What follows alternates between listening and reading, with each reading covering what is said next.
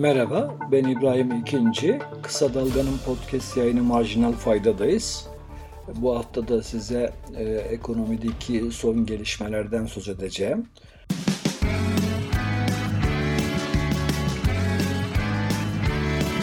Kulağınız bizde olsun. Kısa Dalga Podcast.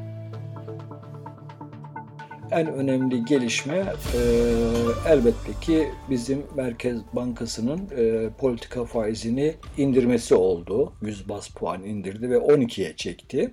E, aynı e, süreçte yani son 1-2 gün içerisinde FED dahil, Amerikan Merkez Bankası FED dahil, İngiltere Merkez Bankası dahil yaklaşık 12-13 ülke Merkez Bankası'nın faizleri artırdığı bir konjonktürde bu, geldi bu indirim. Tabii ki Türkiye başka bir yöne gidiyor. Dünyadan farklı bir yöne gidiyor. Bu tabii faiz indirimi ile beraber yapılan e, para politikası kurulu açıklamasında e, ekonomide aktivite zayıflığına işaret ediliyor. Dolayısıyla Merkez Bankası'nın temel olarak ekonomik büyümeyi desteklemeye devam edeceğini söylemiş oluyor. E, bu e, açıklamadan hareketle 3. çeyrekte büyümede biraz düşüş, bir hız kesme olacağı hatta 4. çeyrekte bir durgunlaşma, daralma bile söz konusu olabileceği beklenti dahilinde olduğundan Merkez Bankası'nın bu faiz indirimlerini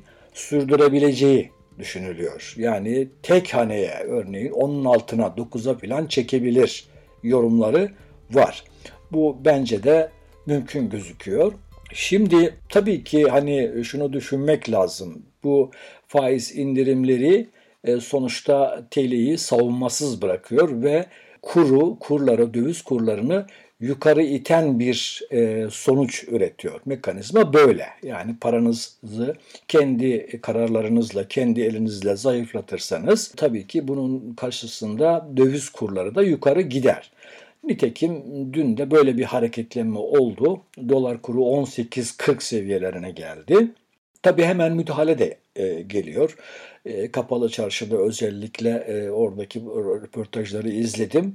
E, satış geldiğini e, söylüyordu e, piyasa oyuncuları. Şimdi e, bu kurların yukarı e, doğru hareketlenmesi elbette ki hani enflasyonu özellikle e, sıkıntılı bir hale sokuyor. Türkiye biliyorsunuz üretirken, yatırım yaparken çok yüksek miktarda e, ithalat yapan bir ülke. 300 milyar doların üzerinde bir ithalat e, yapıyor Türkiye. Şimdi dolayısıyla bu ithalatın pahalanması, e, dolayısıyla bunun gelip e, maliyetlere girmesi söz konusu. Dolayısıyla enflasyonu da yukarı iten bir sonuç üretmesi söz konusu. Şimdi e, eski bankacı Playa Antika bir paylaşım yapmış. Diyor ki Hani ilkokul mezunu olsan 2-3 kez tekrarlanınca anlarsın. Yani faizi düşürürsen politika faizini kur yukarı gider. Bu artık bilmemek ya da nas aşkı filan değil. Bu rantı bol gayrimenkul sektöründen elde edilen nemanın sürmesini teminen ekonomiyi tahrip harekatı diyor buna, bu işlere. Yani gerçekten öyle. Yani faizleri düşürdüğünüz zaman e, kurların hareketleneceğini artık hani e, ilkokul çocukları bile defalarca deneyimleyerek gördüler. Hükümet niye bunda ısrar ediyor? Şimdi bunda ısrarının nedeni hükümetin büyüme elde etmek istemesi, büyüme. E, çünkü bu kararla beraber mesela başka şeyler de görüyoruz. Kredi Garanti Fonu'ndan şirketlere yeni bir kredi paketi hazırlığı var. Büyük bir kredi paketi geliyor yine. Aynı şekilde mesela bugün öğrendik ki e, açıklandı netikim e, ticari kredi kullandırılırken bankaların aldığı komisyonlar düşürüldü ve bir tavan getirildi. Yani kredi kullanımı ucuzlatıldı. Yani böyle bir durum var. Hükümetin arayışı bu. Büyüme ile seçime gitmek. Büyüme istiyor hükümet. Dolayısıyla bu faiz indirimleri gerek de para politikası kurulunun açıklamasındaki o ekonomik aktivitenin zayıfladığına dikkat çekilmesi bunu gösteriyor. Büyüme hedef. Zaten öteden beri hani hep söylüyorum işte hükümet aslında ekonominin ihtiyaçlarını değil e, AKP'nin seçim kazanması için gerekli önlemleri ve adımları atıyor. Bu ekonomiyi, ekonomiyi tahrip ediyormuş. Onunla pek fazla ilgilenmiyor. Devasa bütçe açığı verilecek bu sene. Hedef 460 milyar ki üzerine de çıkabilir. Daha önce de söylemiştim. İşte bununla enflasyonun hızlı yükselmesiyle perişan olan dar gelirlere bir seçim rüşveti dağıtmayı planlıyor dolar bularak işte e, kuru tutmaya çalışıyor ve büyümeye abanarak kredi kanallarını çalıştırarak biraz hani işsizliğin artmasının önüne geçmek istiyor. Bu koşullarla ilgilidir Merkez Bankası'nın faiz indirimi. Birinci konu bu.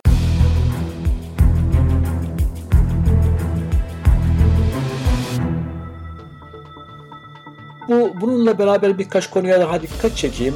Türkiye e, ve Türkiye gibi Türkiye'nin akran ülkeleri denilen ülkeler. Yani bunu e, Profesör Hakan Kara paylaşmış idi. Oradan alarak söylüyorum.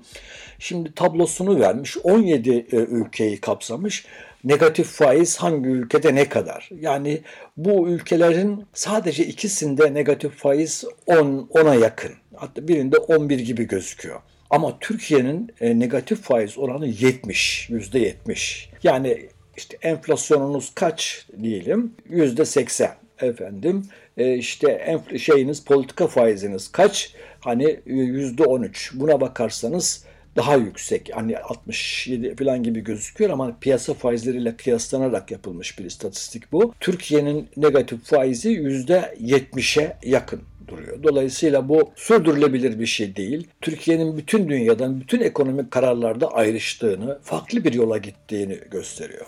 Şimdi bir şey daha söyleyeceğim. Ee, küresel koşullar ağırlaşıyor. Yani e, biliyorsunuz e, Rusya'da Putin kısmi seferberlik ilan etti. Bu aşağı yukarı 300 bin kişinin askere alınması anlamına geliyor. Nükleer silah tehditleri yapılıyor. Bir yandan da tabii küresel ekonomide bir resesyon e, tehlikesi var. Dolayısıyla Ankara'da ekonomi yönetiminin şapkasını önüne koyup bütün bu yeni koşulları düşünerek tabii bir hareket tarzı belirlemesi gerekiyor ama onu bulamıyoruz, göremiyoruz. Dünya merkez bankaları da aslında resesyonla enflasyon arasına sıkışmış durumda. Çünkü bir yandan yüksek enflasyon var. Ee, bir yandan da resesyon e, e, olasılığı yüksek. Dünya Bankası'nın son raporu da bunu anlatıyor. Şimdi e, FED, Avrupa Merkez Bankası ve diğer merkez bankalarının enflasyonla mücadeleyi öncelediği açık. Çünkü faiz, politika faizlerini artırıyorlar. Yani Dünya Bankası da zaten bu artırımlara bakarak resesyon riskinin arttığına işaret ediyor. Şimdi bu resesyon ve enflasyon arasındaki sıkışmışlıkta aslına bakarsanız hangi yöne adım atarlarsa aslında hani Türkiye bakımından pek olumlu koşullar doğurmuyor. Yani bir kere hani enflasyonla mücadele için faizi artırdıkları sürece e, bir parasal sıkılaştırma gerçekleşiyor ve dolayısıyla hani mesela e, euro ve dolar bakımından bu paraların güçlenmesi sonucunu veriyor. Bu tabii Türkiye'de yine TL'nin değer kaybı anlamına geliyor. Şimdi tabii ki resesyon e, olasılığı da çok kötü. Çünkü orada da hani Türkiye'nin ihracatının, dış ticaretinin düşmesi sonucunu verebilir. Dolayısıyla o da hani bizim açımızdan sıkıntılı. E, Türkiye bir yandan içeride büyümeye abanırken ithalatını artıracak ama diğer yandan da efendim ihracatı düşecek. Dolayısıyla buradan da baktığımız zaman dış ticaret açığının artması söz konusu olabilir ve bu da tabii yine ne yapar? Dolar kuru üzerinde büyük e, baskı yaratır. Yani bu bu küresel koşulları da görmek lazım. Diğer yandan Türkiye hani bu gazla ilgili problemlerin de aslında ortasındadır. Hükümet her ne kadar gaz akışının süreceğini söylese de e, spot piyasalarda e, da alım yapıyor Türkiye. Çünkü kontratlarından temin ettiği gaz yeterli değil. Spot piyasada gaz fiyatları oldukça yüksek seviyelere çıkmış durumda. Dolayısıyla enerji ithalatında fatura artabilir. Şimdi bu son girdiğimiz konjöktürde Türkiye'nin Türkiye'nin elini zayıflatan başka gelişmeler de var. Şimdi bir tanesi tabii ki işte bu turizm mevsiminin hani bitmesi. Dolayısıyla turizm kanalıyla döviz girişinde bir zayıflama beklenebilir. Aynı şekilde e, işte e, Rusya'dan biraz dolar bulundu ve içeride satıldı. E, efendim onun etkisi geçti. Şimdi dolayısıyla yeniden hükümetin işte bir yerlerden para bulması gerekiyor ama görebildiğim kadarıyla seçeneklerini tüketiyor burada. Başka nereye gidebilir, nereden para bulabilir dendiğinde çok böyle e, güvenle e, büyük bir ihtimal sayılacak ölçüde bir seçenek e, gözükmüyor. Şimdi işte bu sonbahara e, girdik. İşte kış geliyor. Enerji tüketimi artacak. Enerji faturası artacak. Yani döviz ihtiyacı artacak. Turizm mevsimi bitti. Döviz girişi zayıflayacak. Ve tabii ki hükümetin dışarıdan e, swap veya başka şekillerde dost ülkelerden döviz bulması e, şeyi zayıflıyor. Bütün bu tablo e, hükümetin doları tutmak bakımından da elinin gittikçe zayıfladığını e, gösteriyor. Biliyorsunuz hükümetin bu konuda tek amacı var. Bir e, kur şokundan kaçınmak istiyor.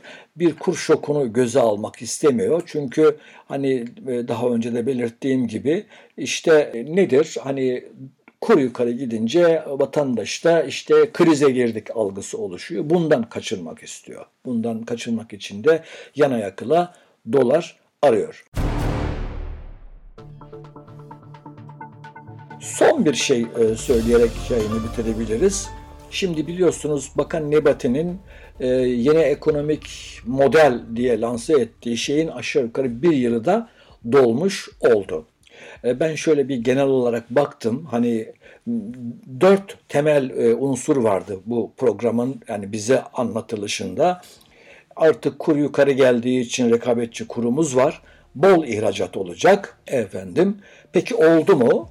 Evet ihracatta artışlar oldu ama buna karşın ithalatta daha büyük artışlar oldu. Çünkü bir yandan da büyümeye abandı hükümet. Büyümeye abanınca ithalatta artıyor. Dolayısıyla dış ticaret açığı tarihimizde görülmemiş seviyelere gidiyor. Geçen sene 46 milyar dolar açıkla kapatmıştık. Dış açığın bu sene OVP'de yazılana göre 105 milyar doları zaten şimdi 60 milyar doları geçti bulması bekleniyor. Dolayısıyla rekabetçi kurumuz var. Dolayısıyla dış ticaret açığımız kapanacak. Buradan bol döviz kazanacağız söylemi çökmüş oldu. İkincisi yine buna bağlı olarak cari açık düşecek vaazı vardı. Düştü mü? Hayır. Geçen sene ilk 7 ayda 14 milyar dolara karşılık bu sene 36 küsür milyar dolarlık bir cari açık geldi. Bu tarafı da çöktü bu programın. Üçüncü e, vaazı bol döviz gelecek, kur düşecek. Geldi mi? Hayır, bol döviz gelmedi. Tam aksine döviz gelmediği için e, yatırıma, yani normal yollardan, doğrudan yatırıma, portföy yatırımlarına döviz gelmediği için hükümet kapı kapı dolaşarak döviz arıyor. Dolayısıyla üçüncü ayağı da çökmüş oldu. Dördüncü ayağı hani bol döviz girdi, döviz ucuzladı, oradan da enflasyon düştü diye bir vaazı vardı. Hedef buydu. Enflasyon düştü mü peki? Bu da gerçekleşmedi. Dolayısıyla enflasyon hani 20'lerden 80'lere falan tırmandı. Buradan baktığımızda e, görebildiğimiz e, Nebati'nin yine ekonomik programının hani nasıl söyleyeyim paldır küldür böyle e, çöktüğünü görüyoruz. Bir tek fokusları var. İşte dediğim gibi halka biraz seçim rüşveti vermek, döviz bulmak, efendim biraz yatırımları hareketlendirmek, bununla seçime gitmek istiyorlar. Tablo bana tamamen bu şekilde, bu çıplaklıkta gözüküyor.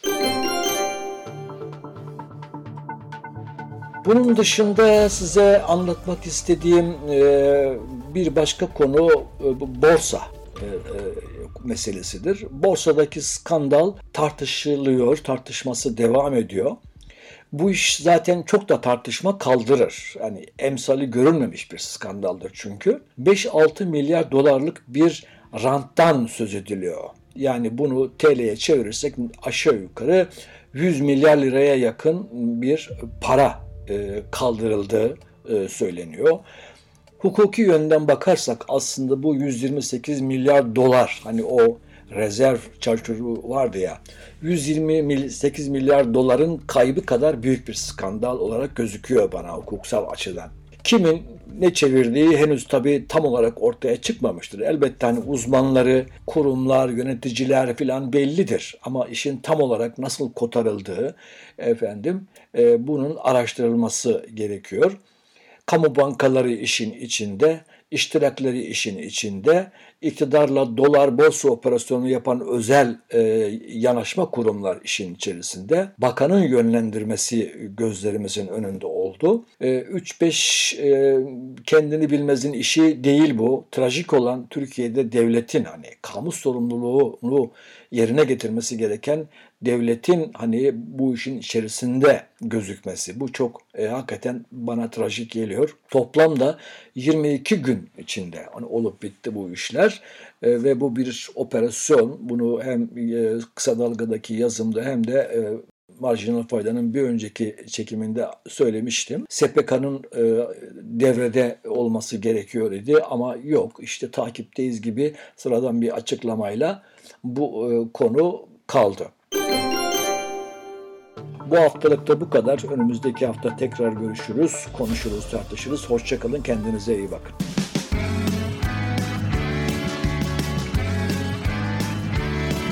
Kulağınız bizde olsun. Kısa Dalga Podcast.